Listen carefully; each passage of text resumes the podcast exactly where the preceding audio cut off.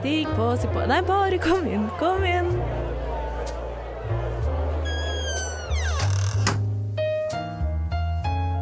Her i lobbyen er det plass til alle sammen.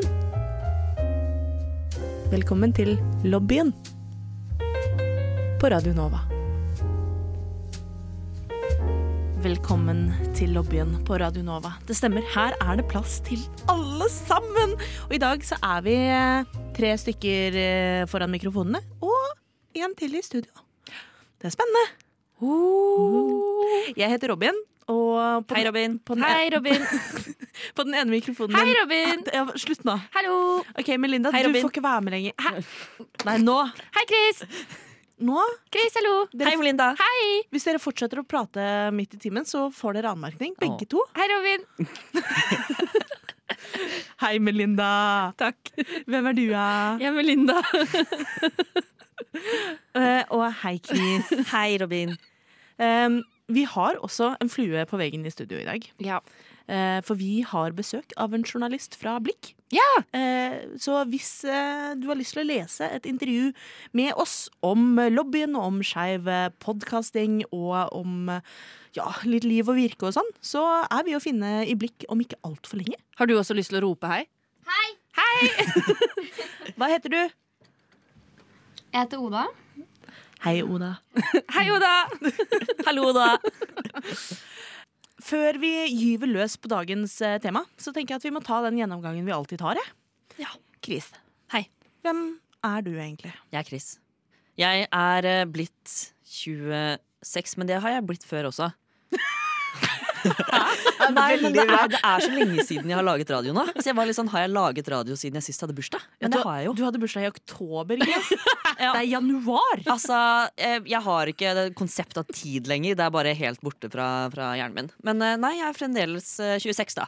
Gratulerer. Fremdeles fra Fredrikstad. Fremdeles skeiv og kjønnsskeiv. Uh, ja. Og fremdeles glad for å være her. Så bra. Hvem er du, Melinda? Eh, Jeg heter Melinda.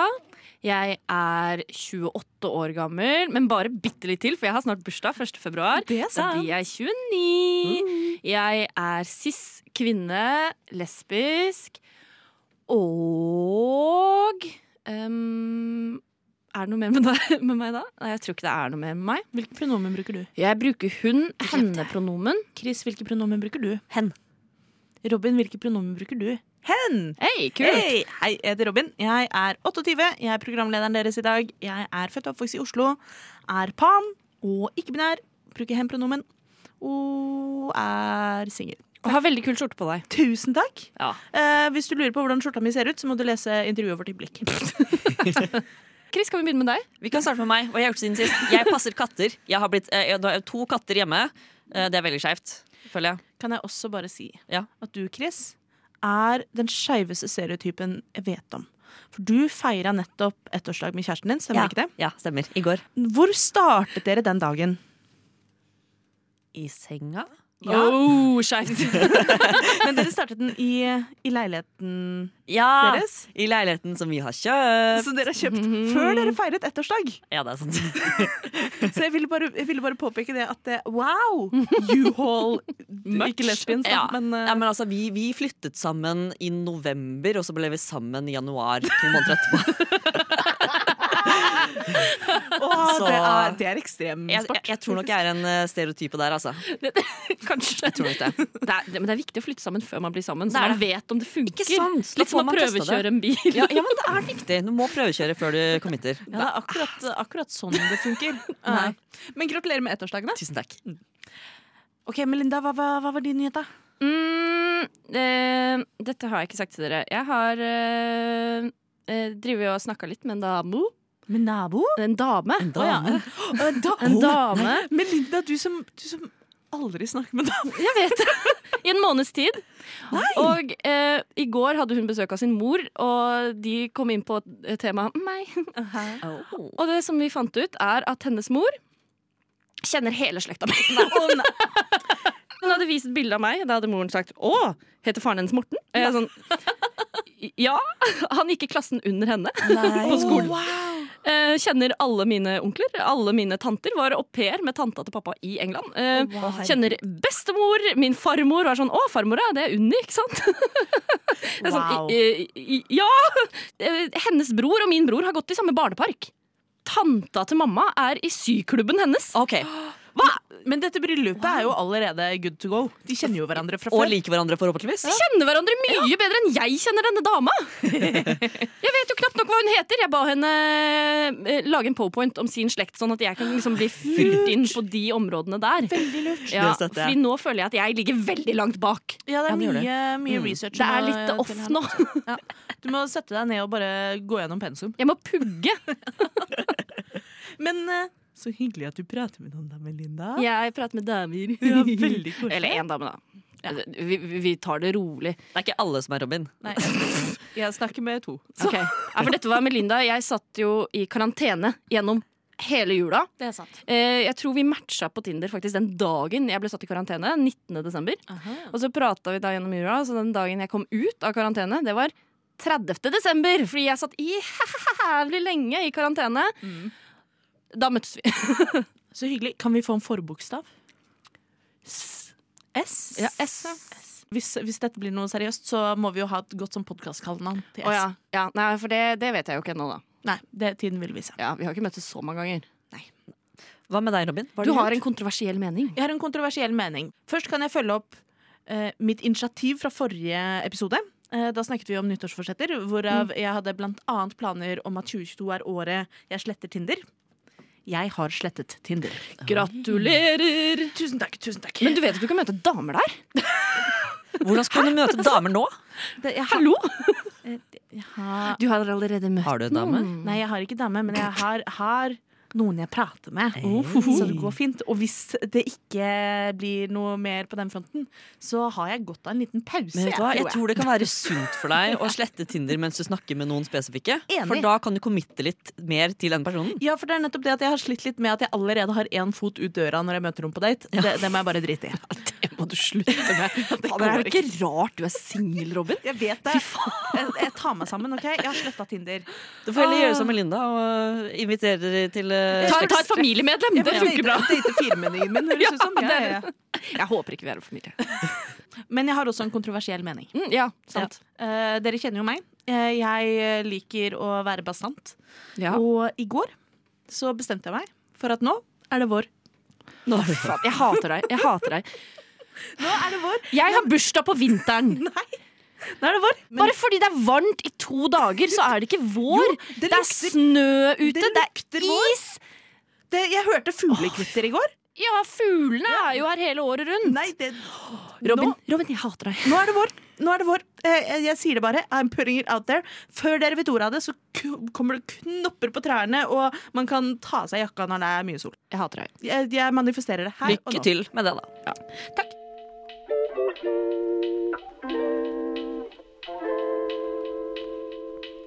Okay, listen up. This is for the girls and the gays and the theys. So if you're not a girl or gay or they, keep scrolling. I'll wait. Okay, now that you're here, I hope you guys have a good day. Velkommen til lobbyen på Radio Nova.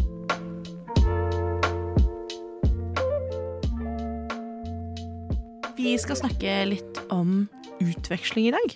Jeg kan også nevne at nå har vi sendt hjem journalisten vår. Det var veldig hyggelig. Eh, Dere kan som sagt eh, lese intervjuet med oss i Blikk, forhåpentligvis allerede neste utgave i februar. Ja. I dagens sending så skal vi gå litt nærmere inn på noe som kanskje er ganske aktuelt for mange av dere, eller eh, som noen av dere har opplevd selv, eller kanskje vurderer å oppleve. Vi skal nemlig snakke litt om utveksling. Ja, det har vi vært på alle sammen. Alle vi tre i hvert fall har vært på utveksling. Jeg studerte engelsk litteratur og kjønnsstudier. Jeg studerte også engelsk litteratur, men også religion og mm. etikk. Enn du, Amelina? Eh, Jeg studerte ingen av de delene. jeg har tatt eh, mediepsykologi, faktisk, Ja. i Nederland. Og så har jeg vært eh, på en ganske lang, månedslang reportasjereise til Libanon om, og snakka om å være trans der, og skeiv. veldig, veldig spennende. Eh, jeg tror Libanon er den mest eksotiske av oss. Selv har jeg vært i Storbritannia, og du Chris, du var i Også i Storbritannia. Jeg var i Skottland. Yes. Og det er jo en del utfordringer når man er på utveksling. Eh, og også litt sånn avhengig av når du drar på utveksling.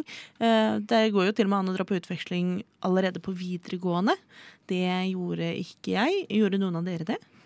Nei, jeg var en uke i Tyrkia, men det, det telles ikke. Jeg, jeg vurderte det, men eh, nei, jeg dro heller ikke på, på videregående. Jeg syns det virker litt skummelt. Ja, jeg også. Ja. Jeg gjorde det heller ikke, men lillesøstera mi gjorde det. Mm. Men vi dro som studenter. Ja. Ja.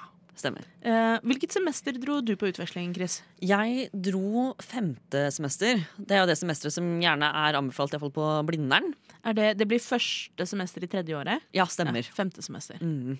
Så jeg var på, var på høsten, da. Så var jeg i Skal jeg si hvor jeg var, eller? Ja, gjør Ja, jeg var i Aberdeen i Skottland. Og det er kanskje ikke så mange som har hørt om eh, Aberdeen. eh, men Kjent for steakhouses. Eh, kjent for uh, deep fried Mars bars. Er det Aberdeen? Ja, det har jeg hørt Shit, om, da. Ja, det er så, Så det er, Og mye måker. Det er egentlig veldig likt Stavanger. Det er liksom i sånn klima. Du vet The Deep Fried Mars Bars of Stavanger. Veldig godt kjent på det. Men uh, nei, det er tre timer nord for eh, Edinburgh. Så det ligger ganske langt opp i Skottland. Ganske nærme Norge. De eh, er veldig glad i nordmenn, så det var veldig hyggelig. Så koselig. Mm. Eh, Jeg var jo også i Storbritannia. Jeg dro riktignok mitt åttende semester, så jeg dro som en del av masterutvekslinga mi. Eh, Og det hadde litt å gjøre med at jeg hadde også muligheten til å dra femte semester. Så valgte jeg å ikke gjøre det. Og så var liksom åttende semester var min siste mulighet Ja. for utveksling i mitt eh, liv som, som voksen og menneske, tror jeg. Jeg tror ikke jeg får den muligheten igjen, og da var jeg litt sånn fuck it, jeg, jeg må gjøre det. Eh, Det viste seg jo ikke nødvendigvis være en kjempegod idé. Vi kommer tilbake til det etterpå. Men jeg dro til Brighton i Storbritannia, som er én time rett sør fra London. Eh, Så eh, der. De er også godt kjent for måker. Mye måker på kysten av Storbritannia. Ellers også litt kjent for å være Storbritannias San Francisco, den skeive hovedstaden i the UK. Og skeivt, det var det. Vi skal snakke mer om det etterpå. Men Melinda, når var det du dro på utveksling, og hvor dro du hen? Jeg dro samme semester som Chris, faktisk. En Femte semester, så første, første del av tredje året. Da dro jeg til Nederland, Ja. til Utrecht. Det, snakker du flytende nederlandsk nå, eller? Nei, men jeg kan si Utrecht. Og så kan jeg si Feisbesorg. Og det er, eh, det er liksom eh, Nederland sin Fodora. Oh, ja, ok. Der kan man bestille øl og vin og mat. Der var jeg. Det er en halvtimes togtur unna Amsterdam. Men uh, mye færre av de folka dere omgikk dere med. Holdt jeg på å si. Det er mange, veldig mye færre britiske turister som kommer for å røyke hasj. Ja, ikke sant? Det er det mye av i Brighton. Det si. Det er mye av i Amsterdam òg, Ja. men ikke så mye av i Utrecht. Nemlig. Uh, det er en veldig fin by. Så bra. Uh, der sjekka jeg opp en dame etter en fest en gang. Gratulerer. Jo takk, det funka bra. Så bra, det er veldig godt å høre. Når dro du til Libanon? Dit dro jeg semesteret etterpå. Ja. Så jeg kom hjem fra Nederland, var hjemme i ja, to måneder ish, og så dro jeg til eh, Libanon i midten av februar. Ja. Og var der en måned. Det var eh, akkurat da korona kom. Jeg skulle til å si Du kom deg hele tiden hjem igjen, da. Så vidt. What? Radio nå. Jeg har lyst til å snakke litt med dere om det å være skeiv på utveksling, og kanskje også hvilke utfordringer man kan støte på. Og, men også tips til eh, hvis vi har lyttere der ute som skal på utveksling. Eh, så det tenker jeg at eh, om vi har noen gode tips, så kan det være lurt å dele her nå. Sjekk UDI sine reiseanbefalinger. det vil jeg anbefale. Sånn, for eksempel å skulle dra til Libanon. Libanon er jo regna som å ikke være et farlig sted for skeive, men det er greit å liksom vite hva man går til. Hvor, hvis du drar med en kjæreste, hvordan vil det være eh, hvis dere går og leier på gata, for eksempel. Generelt i Libanon så var det jo ja, drithyggelig sted, liksom. Altså For meg som eh, norsk turist, eh, ikke noe problem. Jeg klina i Libanon og har aldri vært på så mye dragshow, liksom. Det er jo Oh, kult. det er en scene der, men det er verre der for eh, transpersoner. Det er vanskelig. Eh, Det hadde ikke jeg så mye med, men jeg snakka jo med en del folk da Ja. som hadde problemer med det. Så det er greit å i hvert fall sjekke ut dit du skal, hvor åpent og greit er det. Det er vel kanskje mitt første tips. Ja, det, der Eh, Jeg var en tur til Vilnius i Lit... Litauen. Eh, Ja, takk. Ja. Eller Latvia. Ja? Ja, vet aldri. Jeg har vært der, husker ikke hvilket land det er. Eh, nei, Jeg har vært i det andre. ja, ikke sant? Nei, eh, men det var sånn eh, blåtur hvor jeg og min daværende kjæreste bestilte billetter hvor vi ikke fikk vite hvor vi skulle før to uker før turen. Eh, så da dro vi til Vilnius. Eh, ble veldig positivt overraska over Vilnius. Men det vi fant ut etter at vi hadde vært der, var at det er egentlig ikke sånn kjempelett å være skeiv i Vilnius. Nei. Eh, men når du ikke vet det før du drar, så er det veldig ålreit. Det var veldig hyggelig. Eh, Så vi endte opp med å dra på eh, homsebar og møtte et annet skeivt vennepar og sånn. Viste seg jo at det er den eneste homsebaren i hele Litauen, tror jeg. Eh, men det visste ikke vi. Vi var bare sånn ja, her er det en homsebar. Vi stikker inn dit. Har du noe tilsvarende erfaringer med å være skeiv et sted hvor det er rart å være skeiv? Um, jeg tenkte veldig på det da jeg skulle på utveksling. Ja. Eh, det var jo en av de tingene som jeg uh, forsket litt på uh, da jeg skulle bestemme meg for hvor jeg skulle dra.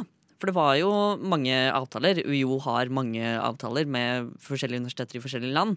Og jeg var jo lenge på tanken om å kanskje dra til USA. Ja. Og jeg sto faktisk um, veldig nært å dra til både North Carolina og til Texas. Mm. Uh, og det eh, kunne jo bydd på litt mer utfordringer enn det det er å dra til eh, Skottland. Um, nå var det jo sånn at jeg eh, hadde, hadde sett på universitetet i, um, i Austin i Texas. Og det er jo en ganske Austin er en kul by, ass. det er jo en ganske altså, blå start der som betyr på en måte venstrevridd for oss, da. Mm. Og det, det virka egentlig veldig kult. Men ehm, så var det, det var noen skytinger og sånn der eh, den sommeren jeg skulle bestemme meg for eh, hvor jeg skulle dra. Så da endte jeg opp med å dra til ikke-USA i stedet. Um, men Mm. Var det, det uh, samme år som pulsskytingene? men det husker jeg ikke. Okay. Men uh, det var uansett Men det var samme år som Trump ble valgt. Ja. Ja. Men jeg, jeg, jeg var på utveksling da Trump ble valgt. Hadde vært ekstra kjipt å være i USA når det, Ja. Trump ble valgt. da Fy søren. Eller kanskje ikke noe kjipt, bare rart. Jeg husker eh, de amerikanerne som jeg var på utveksling med da, i Skottland. De, han ene tok seg en uke liksom, fri fra skolen da Trump ble valgt, fordi han måtte sørge. Ja. Poor guy. Det skjønner jeg, da. Tenk om du hadde vært på utveksling der, og så velger hele landet en fyr som bare ikke vil ha deg der. Det er jo en ganske spesiell følelse. Hvis noen av dere som hører på, var på utveksling i USA 6. januar i fjor, så har jeg lyst til å vite hvordan det føltes. For da stormet de jo Kongressen. Ja, fy faen. Det, det tilstander. Uansett, ingen av oss har vært i USA på utveksling. Nei. Eh, Melinda, du får passe på eh, at det ikke stormes noen kongresser mens du er i USA. Ja, men jeg tipper jo sånn, Min opplevelse er ikke nødvendigvis det samme som deres opplevelse. Jeg er en cis-kvinne. Eh, dere har jo en annen, et annet type kjønnsuttrykk som er mye synligere. Så sånn sett så kan det jo være mer utfordrende for dere. Det kan godt hende. Jeg kan i hvert fall si at Da jeg var på utveksling, eh, så følte jeg ikke så veldig mye på det. Men jeg følte jo også Jeg var på utveksling et sted som var veldig både homovennlig, men også veldig transvennlig. Ja. Um, hvor uh, noe av det jeg likte aller, aller best med utvekslinga mi til Brighton, uh, og en ting som jeg har heftet meg ved ever since, er at på universitetet der, University of Sussex, som jeg gikk på, så hadde de på første seminar på, i alle fag eh, introduksjonsrunde, og da var de pålagt fra ledelsen å også be om pronomen. Ja. Og det var kjempedeilig, for da kom det fra professoren først. Så da var det sånn, ja, name, age, what do you study, and your pronouns. Og da føltes det veldig lite komplisert for meg å komme med pronomen. Mm. Selv om i det Great American Novel-faget jeg tok, så var jeg den eneste med ikke-normative pronomen. Jeg var den eneste som brukte they, them. Um, men likevel så slapp jeg å gjøre en big deal ut av det, for det var allerede innarbeida i introduksjonsrunden. Det andre faget jeg tok, var um, Global Queer, om å være skeiv på kjønnsbasis. Der var det et mindretall med normative pronomen. Eh, jeg husker da du var på utveksling i Brighton. For eh, det som jeg husker var eh, som jeg var positivt innstilt for, for din del, da, var at du på en måte kunne dra til et sted hvor du kunne prøve ut pronomen og navn i en setting hvor ingen på en måte kjente et annet navn eller andre pronomen fra før.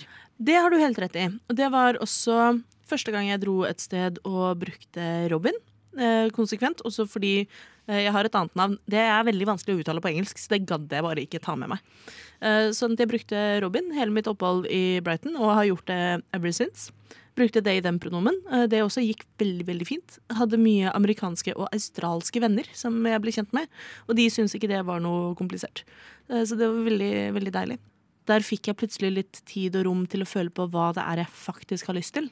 Og jeg tok jo til og med Mens jeg var der, så var jeg eh, for øyeblikket ubehandlet, i den forstand at jeg eh, har en depresjonsdiagnose. Men da jeg var i Brighton, så gikk jeg verken på medisiner eller hadde terapeut. Eh, så det jeg gjorde, var at jeg hadde en terapitime i Brighton. eh, Hos en eh, privatterapeut, hvor vi prata en times tid om liksom dette med kjønn og det å være på utveksling og familie og være borte fra familie og kunne prøve seg fram litt og sånn. Og det var egentlig veldig deilig. Det ble med den ene terapitimen, for det var jævlig dyrt. Um, men det er sånne ting som er greit å huske på, i hvert fall hvis du er på utveksling og er et sted over en lengre periode. Enten så finnes det Det finnes alltid private terapeuter du kan kaste penger på, og så hjelper de deg. Uh, men universitetene også er ofte på tilbudssida, særlig for utvekslingsstudenter, for de vet at den situasjonen er heavy. Uh, sånn at hvis du spør en veileder eller noe sånt på universitetet, så kan de veldig fort gi deg tips til en uh, campuspsykolog, f.eks. For, eksempel. for du, Chris, du hadde erfaring med det. Ja, for eh, jeg var jo i eh, Aberdeen og studerte både engelsk og religion og etikk, og jeg var da innom eh, teologifakultetet. Og um, på et tidspunkt under eh, oppholdet mitt så hadde jeg det litt uh, kjipt, så da sendte jeg en mail til eh, foreleseren min og sa ifra. Fordi jeg trengte også da uh, utsettelse på en, på en oppgave som skulle inn. Og det, em, det at jeg sa ifra og var sånn hei, jeg har det ikke så, så kult om dagen, det tok de veldig seriøst. Så de satte meg opp med både skolepsykolog og skoleprest i tilfelle jeg hadde lyst på det, siden det var et teologisk fakultet. Um, men det var, altså, det var ressurser tilgjengelige, og det var en veldig forståelse for at mental helse er viktig. Uh, og at de ville at, um, ville at vi skulle vite hvilke ressurser som var tilgjengelige. Da, og at de ville hjelpe meg. Jeg vet ikke om det liksom går igjen jevnt over på utveksling. Altså sånn, Det kan jo godt hende at du er på utveksling et eller annet sted i Hellas, og de er sånn hæ, det orker ikke forholde oss til din psykiske helse. Men, eller eh, Ungarn. Medisinstudent i Ungarn. Jeg vet ikke om det, jeg tror ikke det funker. Fra de landene vi har vært liksom, over lengre tid på utveksling, så tror jeg kanskje liksom, Skottland og Nederland er jo ganske up there. Ja, Storbritannia også var ganske flinke Ja. på det. Um, men uansett så er det alltid Mener vært du England? Ja, jeg mener England. Men um, det er alltid verdt å si ifra. Jeg også hadde Altså, jeg var litt inne på det i stad, at jeg dro på utveksling litt fordi det var siste sjanse, og jeg ville gjøre det sånn at jeg hadde prøvd. Men det var nok ikke den beste avgjørelsen. Jeg hadde det veldig veldig kjipt på utveksling. Jeg var ikke mentalt et sted hvor jeg egentlig burde reise fra hele mitt sosiale nettverk hjemme. Eh, Sånn at jeg endte jo opp med Det var en periode hvor jeg skulle være borte i seks måneder. Og jeg var vel borte i tre. Og så var jeg hjemme i Norge i resten. Men jeg fikk fremdeles fullført studiene mine. Uh, og det er blant annet fordi jeg fikk uh, sykemelding fra fastlegen min her i Norge på engelsk, som jeg kunne gi til fakultetene mine i Storbritannia. Uh, jeg sa ifra til professorene mine. Jeg ba pent om om vi kanskje muligens kunne finne en løsning sånn at jeg kunne gjennomføre fagene enten remote fra Norge eller på andre måter. Og det løste seg. De var veldig på tilbudssida. Og jeg besto begge fagene med en C og en B. Så det er verdt å prøve. Verdt å si ifra. Veldig.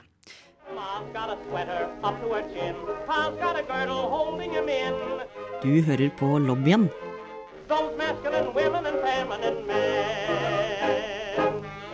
På Radio Nova.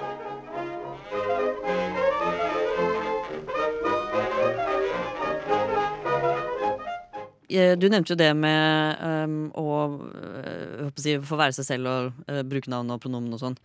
Eh, og jeg ville bare eh, legge til noe der selv, fordi jeg merket det uh, Jeg gikk til en psykolog hele det året før jeg skulle på utveksling, og så sa han at uh, eh, enten da mot som, når det nærma seg sommeren, da, før jeg skulle dra, eh, så sa han til meg at enten så blir du bedre, eller så blir du hjemme. Ja.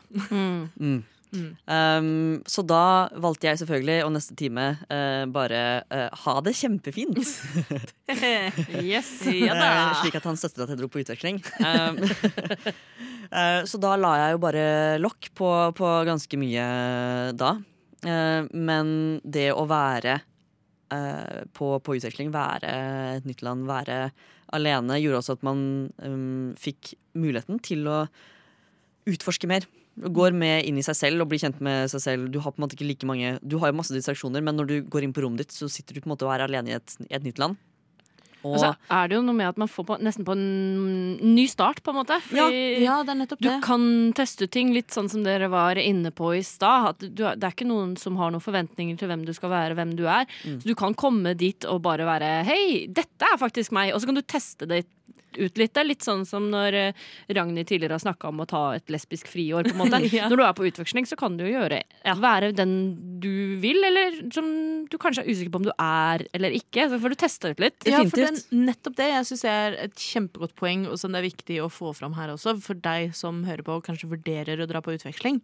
At du kan liksom hvis du ikke er helt ute av skapet, eller hvis du har lyst til å teste litt andre navn, andre pronomen, sånn som jeg gjorde Utveksling er en kjempegyllen mulighet. Det er, liksom, det er ingen som kan ferske deg på det. Det er ingen som kan komme og si ja, men du, i fjerde klasse så likte du faktisk å leke med Barbie. Uh, sånn at hvis du føler deg trygg på det og er nysgjerrig og har lyst til å prøve, så er utvikling et kjempegodt felt å utforske litt på. Og for min del så var det på en måte en eh, katalysator. Fordi eh, jeg snakket med psykologen min før jeg dro om det at jeg følte meg ikke hjemme i båsen som kvinne, og at jeg eh, var usikker på min egen kjønnsidentitet. Da jeg kom hjem fra utveksling et halvt år etterpå, så kom jeg ut til mamma. Ja, Hey. ikke sant? Mhm. Så det var en utrolig god måte å, å bli kjent med seg sjøl på. Og la seg selv på en måte eh, eksistere ja, uten de blikkene og forventningene fra alle rundt deg. Da. Og Det er på en måte det som ofte stopper en, fordi man blir redd for hva andre skal si eller andre tenker. Og det er ofte liksom familie som er vanskelig. Men så fort du på en måte får distansert deg litt fra fysisk, da, så, så har du på en måte Du har den friheten da, som du, som du nevner, Melinda. Og så kan det jo nevnes også at de fleste universiteter i hele, i hvert fall Europa, har antageligvis en skeiv studentforening. Eh, og det er liksom Jeg føler at når du er utvekslingsstudent, så er ingenting kleint. Så da kan du veldig veldig gjerne dra på et arrangement eller to med den skeive studentforeninga. Og bare være sånn Hello, my name is eh, Chris from Norway. Eh, what are you doing here today? Eh, og så la den ballen rulle og gå. Det er en kjempefin måte å knytte nettverk på hvis du er, føler deg litt aleine eller er redd for at det ikke er så mange skeive akkurat der hvor du er, hvis du ikke f.eks. er i Skottland eller Brighton, for den saks skyld. Men hvordan var det for deg i Nederland, Melinda? Hadde du noe, liksom, noe skeiv åpenbaring eller skeivt nettverk, i hvert fall der? Nei. Ikke, ikke, ikke egentlig. Eh, nei, jeg oppsøkte det ikke så veldig, men jeg opplever at Nederland er jo ganske likt som Norge, eh, hvis ikke enda bedre. More woke. um, så jeg opplevde jo aldri noe problem med å være den jeg var. Så hvis, når, i prosessen med å bli kjent med folk, og jeg var sånn Ja, dette er meg, liksom. Så er det sånn Ja, OK, jeg er bi. sånn, ja, hyggelig. og så Det var ikke noe big deal. Uh, men jeg skulle kanskje ønske at jeg hadde oppsøkt mer av det skeive miljøet i Nederland, bare for å oppleve det. Var du noe på uh, homsebar? Skeivbar? Nei, det var en der, men det var veldig sånn klubbete opplegg, og jeg orker ikke klubbete opplegg. opplegg. så jeg gadd bare aldri å dra. Ja, for vi bodde på den skeive skeive baren som jeg bodde Jeg bodde midt i sentrum i Brighton. Og så tror jeg den heter Revenge. Nå driver jeg og googler mens jeg sitter Mm. her. Um, for vi, vi endte opp med å dra dit hver dag. Altså hver, hvert fall ut Ja. i dag. Men, Men- du var jo på eh, et studie som var mange andre skeive folk. Så- jeg var så- på en måte I min gjeng i Nederland så var jeg de eneste skeive. Jeg ble jo ikke kjent med noen av de jeg studerte med. da Nei, ok. Men hadde du en skeiv gjeng som var interessert i å bli med på skeive steder? um, Er egentlig spørsmålet mitt, da. jeg, vi var tre stykker som dro fra mitt eh, Ikke mitt studie engang, men tre stykker som dro fra Norge til Brighton, og jeg kjente de andre to. Og hun ene var lesbisk, Ja. så det var veldig greit. Og så fikk vi oss en vennegjeng med eh, mye amerikanske utvekslingsstudenter og to australiere. Eh, men der var det ei som var fra North Virginia, tror jeg, som eh, var lesbisk. Og bitte liten! Hun var sånn 19 år gammel, så hun kunne jo ikke drikke i USA. Men gjett om hun kunne drikke på homsebar i Brighton. ja, ikke sant? Ja, Eh, da er det jo mer stemning i gjengen også for å Ja, bli med. Fordi det var det. Sånn som jeg hadde da de streite i min gjeng, på en måte, så ble det da mindre naturlig at vi dro på spesifikke skeive steder. Men til gjengjeld så opplever jeg nesten at alt er jo skeivt vennlig. Ja. Så om vi dro Vi var på en sånn merkelig sånn under bakken-sted hvor de bare spilte masse tekno, hele rommet var røykfylt. Jeg er sikker på at alle drev og dopa seg på do. Men at jeg da tok med meg en dame dit og sto råklina på dansegulvet, liksom. Det er jo ingen som løfta et øyenbryn for det, selv om det ikke var et skeivt sted. Så er jo alt skeivtvennlig i Nederland. I hvert fall der jeg var, da. Jeg skal ikke si at alt er det, men Nederland er jo ganske åpent land sånn sett. Men eh, hvis du sammenligner det med Libanon, da. Ja, der hadde de jo sine steder mer, da. Ja, Og der var du jo i mye større grad i et skeivt miljø, for det var vel Ja. oppgaven din og reportasjen du jobbet med? Ja, vi valgte jo å dra til Libanon for å undersøke nettopp det skeive miljøet for Libanon. For de som ikke vet det, spesielt Beirut, hovedstaden som vi var i, er litt kjent for å være Midtøstens fristed for skeive. Ja. Så det er ikke nødvendigvis et fristed, men det er i hvert fall regna som det tryggeste. Em, så i mindre grad så er det ikke sånne offisielle skeive steder, men det er det som de kaller skeivvennlig, og da blir det egentlig skeive steder. Eh, men det er ikke alltid så lett. Men vi var på en del av disse stedene, og der var det jo Det er jo et skeivt miljø, liksom. Eh, og så lenge du var på en måte cis eller straight passing eller whatever, så var det på en måte greit. Det opplevde ikke noe rundt det. Men jeg snakka jo med eh, da transpersoner som De ble arrestert og slått ned og forfulgt liksom gjennom gatene og ropt ting etter eh, hvis de ikke så passing ut. Eller hvis du var litt flamboyant. Men det er sånn, jeg var der også, Jeg var på Tinder og sjekka liksom stemninga der, og møtte ei jente derfra Ja. På et eh, dragshow. Men da var det sånn, hun var der med noen andre venner òg, og da jeg kom, så var hun sånn OK, ikke si at vi møttes på Tinder. Oh, Eh, Si at du er eh, eh, venn fra Norge av en annen venn av meg. Mm. Så jeg er sånn, OK, fordi det var Hun vil, kunne ikke si at hun var på Tinder. Det ble vanskelig, liksom. Jeg skjønner. Så det var et sånn par småting, men jeg opplevde at det også varierte veldig. Pluss at jeg opplevde at jeg som norsk turist eh, ble uansett tatt godt imot. Ja. Jeg er veldig, veldig opptatt av det i Libanon, at turister skal trives. Mm. Så du kan nesten gjøre hva du vil, på en måte, for du blir tatt imot på åpne armer uansett. Og folk er bare sjukt opptatt av at du skal ha det bra hele tida, de skal passe på deg og ta deg med på gøye ting. Og... Så det var veldig fint. Men det, det er en sånn bismak Ja. når du hører om hva de selv må gjennom. Mm. Uh, og mange der lever jo i skapet. Ja. Fordi ja, samfunnet er kanskje syns det er greit, men familien din gjør ikke det. Så selv om på en måte på papiret er det ganske OK, så er det ikke praksis sånn. Ja, for jeg tror, jeg tror det er noe man må huske på når man velger sted å dra på utveksling. Dessverre, men det er jo en virkelighet at her i Norge så har vi det egentlig jævlig greit. Ja. Eh, og det er ikke alle steder du kan dra på utveksling og ha det like greit. Men det er jo litt som du sier, Melinda, at du får mye slingringsmonn som turist. Du gjør ofte det. Ja. Men vi opplevde jo også Som du sier, så er det som regel uh, skeive eh, studentforeninger, for eksempel. Og vi tok jo kontakt med de, for vi kom jo Dette var på journalistikkstudiene, og vi skulle skrive en sak om dette.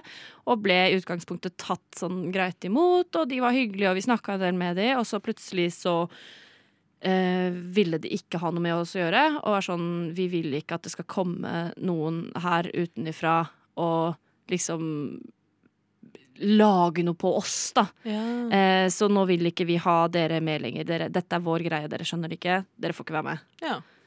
Så det var jo også litt rart. ja. Men det er jo en ærlig sak, det. Absolutt. Men da blei de veldig sånn Vi vil ikke at det skal komme noen her eh, fra Norge og fortelle hvordan vi har det, liksom. Uh, ja, Men det kan jo hende at det også var veldig fordi dere kom i journalistisk øyemed, da, muligens. Kanskje. Det kan man jo aldri vite. Nei, det er sant. Uh, men det var også en interessant del av det. Du lytter til Radio Nova. Jeg uh, vurderte jo å ta en uh, master som uh, krevde at jeg måtte dra til, til Afrika. Ja. altså tre forskjellige afrikanske land, deriblant Kongo. Og jeg valgte å ikke ta den oppgaven fordi vi måtte dra til eh, til land som jeg var usikker på, på måte, hvordan ville ta imot meg. da. Ikke pga. legning, men pga. kjønnsidentitet. Um, så jeg valgte jo da å ta en helt annen oppgave, selv om det hadde vært utrolig gøy å skrive om eh, eh, læringsplattformer eh, i, eh, i Kongo. eh, Ja. Og hvordan man skal liksom tilpasse det um, og gjøre det så både på en måte jeg skal ikke må masse inn i fag nå, men gjøre det brukervennlig, da. Ja. Og gjøre det mulig å bruke liksom flere steder. Mhm, Eh, ja. mhm, ja. mm. Uansett. Så eh, jeg valgte å ikke gjøre det, men en eh, studiekompis av meg, og nå kollega, eh, han valgte å gjøre det. Og han er jo homo selv. Yeah. Uh, og det hadde gått uh, kjempebra. Så noen ganger så har det vært litt sånn ah, Jeg angrer litt på at jeg ikke tok den sjansen. At jeg, liksom, Ja. at jeg eh, ble for redd for hvordan det kunne gå når det egentlig kanskje kunne gått greit. Men når det er sagt, så er det jo to forskjellige situasjoner. Han er en mann, og han er bare, anførselstegn, homo. Og så er han hvit. Og så er han hvit. Ja, for det var litt som jeg nevnte i stad, at for meg som er cis, så er det noe annet. Har dere opplevd noe, dere som er mer androgyne i uttrykket Folk ser på dere at dere er skeive, liksom. Har dere opplevd noe sjøl? Jeg føler at det er ganske lenge siden jeg har vært ute og reist. For Ja. referanserammen min er liksom Storbritannia og England, og der er det null stress. Mm. Men Men har har, du jo, stoppa deg for å dra steder? Da? Sånn som Chris, du lot jo da være å dra. Mm. jeg har jo Vi har noen familievenner i Egypt. Mm. eh, og de vil jo alltid at vi skal komme på besøk, uh, og det er veldig hyggelig. Men jeg merker at der for eksempel så holder jeg meg litt tilbake. Uh, og det er jo sikkert sånn Hvis familien ender opp med å dra til Egypt, så slenger jeg meg antageligvis på. For det er igjen dette med å være en norsk turist Mm. som har mye makt, og særlig det, det, det er jo kjipt å måtte si det, men særlig når man er hvit, så slipper man unna med ganske mye når man er i utlandet. eh, Og særlig når man er steder som ikke er predominantly hvite. Eh, Så nei, eh, men jeg holder meg litt på benken. Ja, Det er ikke du som pusher på den familieturen? Nei, det er det ikke. Og jeg, og jeg lurer på liksom sånn Det er nok steder jeg ville holdt meg igjen fra å dra. Jeg snakket jo tidligere om at jeg har veldig lyst til å dra til USA. Men sånn, hvis jeg skulle vært lenge et sted, hvis jeg skulle dratt på utveksling eksempel, så ville jeg kanskje heller vurdert Canada. Jeg har jo endret uh, kjønnsmarkøren min. Sånn at uh, når jeg skal gi passkontroll, så er det ikke nødvendigvis uh, så altså Det kommer an på øyet som ser, da, men kan oppleves som et lite samsvar mellom passet mitt og meg. Og det er jo noe som har gjort at jeg er litt Litt ekstra forsiktig med, med å, si, å planlegge for mye frem i tid på hvor jeg skal reise og sånn. da Fordi jeg, har, jeg, har, jeg har jo reist på det passet eh, eh, flere ganger. Eh, akkurat nå så er det ikke gyldig. Eh, jeg har reist med det mens det ikke var gyldig også. Nei. Men Chris? Jeg har jo som mål å bytte pass hvert år ennå. For jeg bytta i fjor, og Ikke så sant. byttet jeg i år. Men eh, det å for eksempel dra til USA for meg, da. Hvis jeg hadde landa i en stat som ikke var New York eh, Kan at New York hadde vært et problem også. Hvis jeg hadde landa typ i Tennessee, Mm. så tror jeg jeg hadde slitt med å komme inn. Tror du det? Jeg, jeg tror det. Eller det hadde fått, i hvert fall blitt sånn Å, du må ransøkes, eller liksom du må Ja. liksom få den ekstra Jeg har ikke lyst på den oppmerksomheten der. Jeg vet ikke. Men det er liksom Nå Fordi- kan det hende at det bare er liksom en ekstra sånn redsel fra min side at det egentlig ikke er så realistisk. Det er fordi i passet så står det at du er mann? Er det det som Ja, står? I passet så står det mann, og hvis man da skal ta sånn full bodyscan, og du går inn i den der tingen, og det ikke Ja. stemmer overens Jeg vet ikke, Øy, det øy, liksom det, står- det står mann der. Det, det, er ikke, det er ikke noe kuk på denne bodyscannen. Det er ikke noe kuk her. Fleng ut pikken, da! Hallo! Ja, men er det, vet du om det er en reell bekymring? Jeg vet at det er, øh, det er mange transpersoner som opplever ubehag. øh, både liksom av bodyscan, men òg liksom de som jobber der. Mm. øh, når man reiser. Og det, det kommer jo på en måte an på hvem du møter, da. Men øh, Men akkurat i USA nå så har de vel innført nye pass, har det ikke det? Eller er det bare enkelte steder? Det er bare enkelte, akkurat det går på Hvis du tenker på kjønnsmarkører og sånn. Ja. Eh, jeg tror det går på sånn social security cards, og at det er sta stats... eh, eller avhengig av staten du bor i. Ja, for jeg tenkte på det Jeg har som sagt nå er jo- søkt etter visum, ikke sant? Og der velger man, da fyller du inn masse greier. Og da kunne du kun velge kjønn, mann, kvinne. Så tenkte jeg, hæ, men hadde ikke mente jeg sånn USA, var ikke det noe greie med at de hadde endra dette Men det, det hadde de ikke der, i hvert fall. Det er per stat, og så, Ah. om jeg ikke tar helt feil, så er det vel også Jeg vet ikke hvordan det er med passreglene, men det er jo ikke like vanlig i USA å ha pass som det er i Europa. Nei, Nei, men da begynte jeg også å lure, fordi hvis Selv om USA hadde hatt tredje juridisk kjønn, så ville jo ikke ditt norske pass hatt det. Kunne du da krysse av for ikke-binær på søknaden til USA, selv om passet ditt sier noe annet? Jeg tror det viktigste er at papirene stemmer overens med hverandre. Så og så hjelper det man- ikke oss om de endrer det i USA med det første. Nei, jeg tror tvert imot at da sliter du med å komme inn. Men hva med andre veien, da? Hvis man endrer det på sitt norske pass når, sier jeg, fordi jeg er positiv. Ja. Vi får en tredje kjønnskategori, så får du det på ditt pass, og så drar du til et sted hvor de ikke har det. Hvordan Det tror jeg, Hva skjer da? jeg tror ikke det skjer noen ting. Men jeg har tenkt litt på det, for jeg er jo egentlig veldig veldig pådriver for tredje juridisk kjønnskategori. Jeg vil ha det i passet mitt. Ja. Um, men jeg har tenkt litt på det, litt som når det, ja, når det står mann og du leser som kvinne, eller vice versa. Så vil det jo Altså, det vil jo være et papir som sier at jeg er skeiv. Det øyeblikket noen åpner passet mitt og jeg er ser, ser kjønnskategorien, så er det sånn aha, gay! Å, det hadde vært gøy hvis du åpna det, og så det bare sånn spruta ut uh, glitter og kjønns- konfetti. Og... Kjønnsmarkøren min er ikke en bokstav, det er bare en sånn bitte liten regnbue-emoji. Det er som sånn bursdagskort som du åpner, så det er et lyd, og så er det sånn I'm coming now. Ja, det Sånn pass vil jeg ha. Å, det vil jeg også ha. Og så når batteriet er litt sliten til passet, så må du, da, da må du bytte pass. En ting jeg lurer på med pride. Hva er greia? Alle disse homofile homser som ikke har på seg bukse, som ikke har på seg T-skjorte, Lobbyen bare ei lita truse. På Radio Nova. Hvorfor har de ikke på seg noe klær? Forstår ikke greia med pride. Du forstår ikke greia med pride. Har dere noen overlevelsestips til når man er på utveksling? Det høres jo for meg ut som at i hvert fall to av oss, kanskje alle tre egentlig, eh, hadde hodet litt sånn skeivt på skuldrene da vi dro på utveksling. Eh, Brumtsj. Brumtsj, Ja, skeivt. Ja. um, og at det er ikke alltid en dans på roser å dra på utveksling.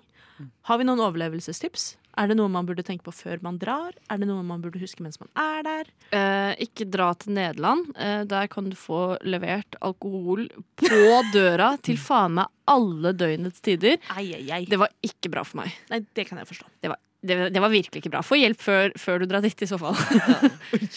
Fordi ellers så får du et alkoholproblem. Og så er det vel også litt lettere å få tak i andre droger i Nederland. Ja, det lefrer ikke jeg med, så det Nei, det er, men, men det går, hvis man vil. Ja, det gjør det. Det er jo åpent for visse droger. Ja. Eh, men ikke alle, da. Håper jeg. Eller jeg vet ikke. Jeg er veldig naiv. jeg er kjempenaiv. Men ok, ikke dra eh, til Nederland hvis du har anlegg for alkoholisme. Nei, ikke gjør det. Så eh, mitt tips, eh, og det blir sånn generelt, da, eh, for uh, uavhengig om du er skeiv eller ikke, men um, altså, skaff deg et nett nettverk der. Sånn, Mye bedre tips. Jeg vil endre mitt tips til det. men det er altså eh, så jeg, jeg dro på pub første natta, kom, eller første dagen eh, jeg kom ned. Eh, så var det flere fra Erasmus, da, for jeg reiste gjennom sånn Erasmus-avtale. Samme her. som er en samarbeidsavtale for universiteter. Og eh, da møtte jeg mange mange andre fra rundt om i Europa som også skulle på utveksling på samme universitetet. Og den gjengen der, det ble vennegjengen min Ja, det halvåret. Det er noe å tørre å kaste seg selv litt ut i det, og være åpen for å knytte sosiale kontakter. For det var kanskje det som ble mitt problem, da. Eh, at jeg var ikke klar for det. Jeg var, ville ikke møte folk. Jeg var ikke interessert i det. Og da får du ikke noe nettverk heller. Ikke sant? Da blir du utrolig ensom i et ja. annet land. Ja, for jeg slenger meg også på den, og også ikke utsette til uke nummer to. Nei. For da har alle allerede vært på den første festen. S- Les den e-posten med sånn ah, 'Welcome to the exchange student gathering at Ja. that and that place'. Og så drar du dit, selv om det er litt kleint. Ja. Og alle er litt kleine. Men alle er utvekslingsstudenter, antageligvis, og alle er kontaktsøkende. Og det er veldig mye lettere å bli kjent når alle er litt i samme båt, Mm. enn når folk allerede har danna litt klikker. Ja, det er alt for mega, altså. De hadde sånn uh, Facebook-gruppe der som uh, yeah. i Utrecht, da, som var sånn der ny i byen. Uh, og så da møtte jeg faktisk en fyr derfra den første Det var før skolen begynte, da, så det var sånn første uka jeg var der. Jeg dro litt tidligere ned. Eh, veldig hyggelig. Ble kjent med han. Vi, han viste meg hvor det var digg burger. Hey. Fikk jeg melding etterpå bare sånn Skal jeg komme til deg med en eh, flaske vin, og så kan vi oh, se hva som skjer? Eh, så ikke gjør det. Jeg vet ikke hva tipset mitt var. Bare hold deg unna sånt. Så du, du viste ham passet ditt, og så åpnet du, og så var det I'm Coming out! og da ville han ikke møte meg igjen. Nei, rart det der. Uh, mitt tips er også Det er lurere å bo nærme campus enn det er å bo nærme sentrum. Eh, det lærte jeg, eh, også fordi jeg bodde midt i sentrum. Og veldig langt unna skolen. Mm. Jeg måtte ta buss i hvert fall en halvtime. Og underlig nok så var jeg veldig lite på skolen. Ja, det var det, da. Det er rart med det. Nei, så uh, Du kommer deg alltid til sentrum. Altså sånn, Det er alltid gjenger som vil til byen og Mm. handle eller dra på pub eller et eller annet. Så du kommer deg alltid til sentrum. Det er viktigere at du kommer deg på skolen. Og uh, for min del så bodde jeg, jeg bodde ved skolen, men jeg bodde på altså, studentbyen Det er jo genialt hvis du har mulighet til det. Ja, så det er mitt tips hvis det, hvis det finnes og det er Ja. eh, tilgjengelig for ut- utvekslingsstudenter. Bo, Sjekk det, og vær Ja. tidlig ute. Gjør det. Ja, sånn start tidlig. Start allerede nå hvis du har lyst til å dra sånn neste år. For det er altså Det er så kjekt. Eh, Jeg, vi hadde vaktmestertjeneste, vi hadde en egen butikk der. Vi hadde egen liksom, sykepleiere på, på liksom den huben der. Da. Mm. Så det var utrolig praktisk. Så, og du hadde jo også alle vennene dine der. Jeg skulle ønske jeg var like smart som deg. Jeg eh, fikk meg ikke studentbolig. Jeg fikk i nesten ikke noen annen bolig. Jeg leide Airbnb for 18 000 i måneden. Å, fytti grisen! Jeg, jeg er fortsatt fattig. Oh, men jeg hadde ei venninne som måtte gjøre det samme i Brighton, fordi Ja. jeg hadde housing issues i Brighton da vi var der. Så jeg fikk heller ikke student housing, men jeg fikk meg et kollektiv. Eh, ikke altfor dyrt, midt i sentrum. De verste folka jeg har bodd med i hele mitt jævla liv.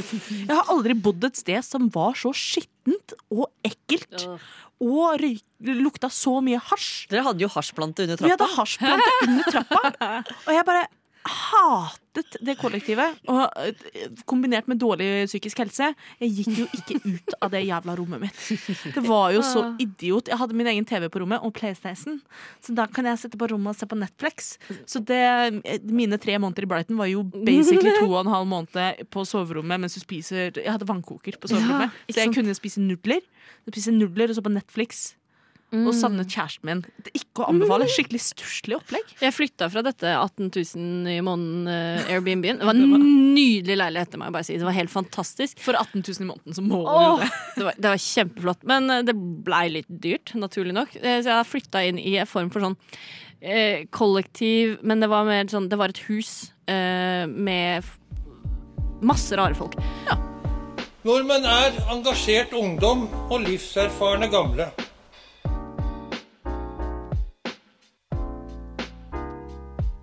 Nordmenn er jenter som er glad i jenter, gutter som er glad i gutter. Og jenter og gutter som er glad i hverandre.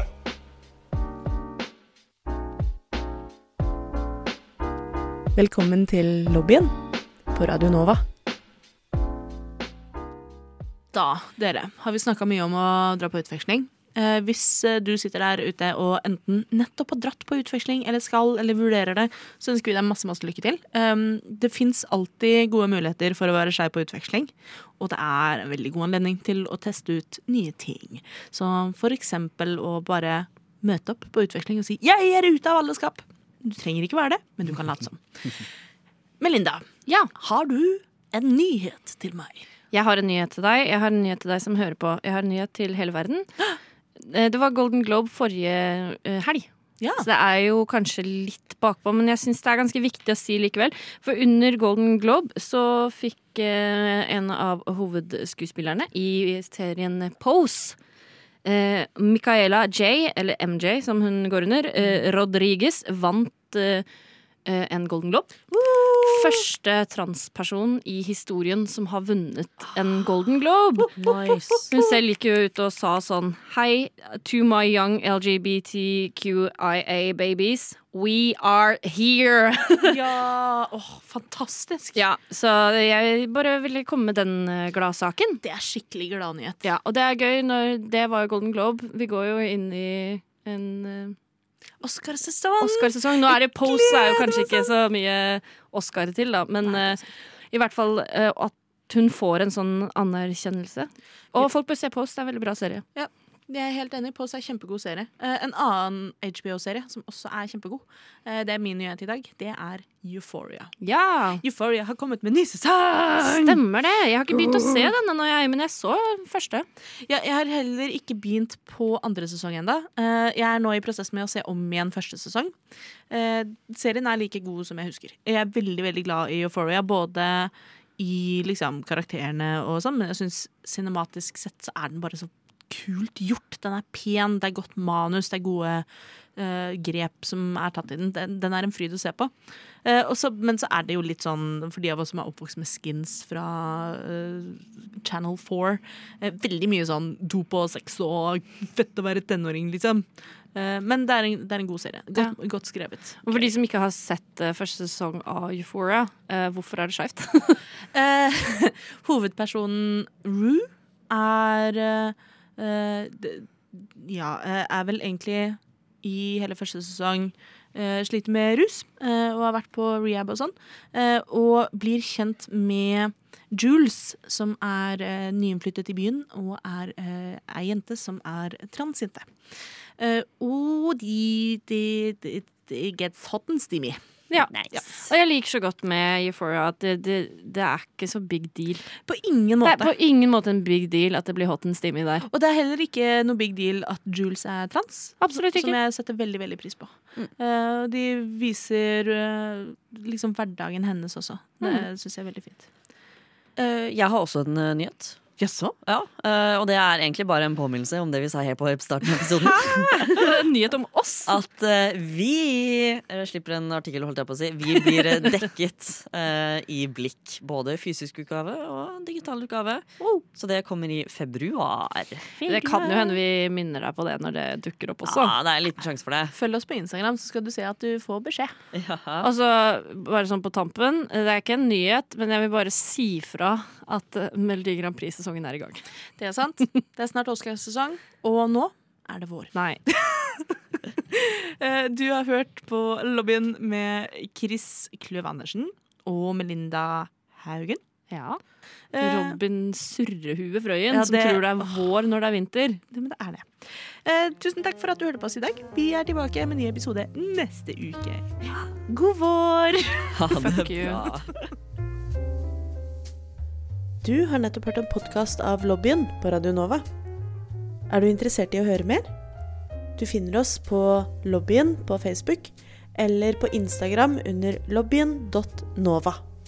Der kan du også sende inn spørsmål eller temaer til fremtidige episoder. Vi slipper episoder hver mandag og er å finne på lufta på Radio Nova mandager klokken fem.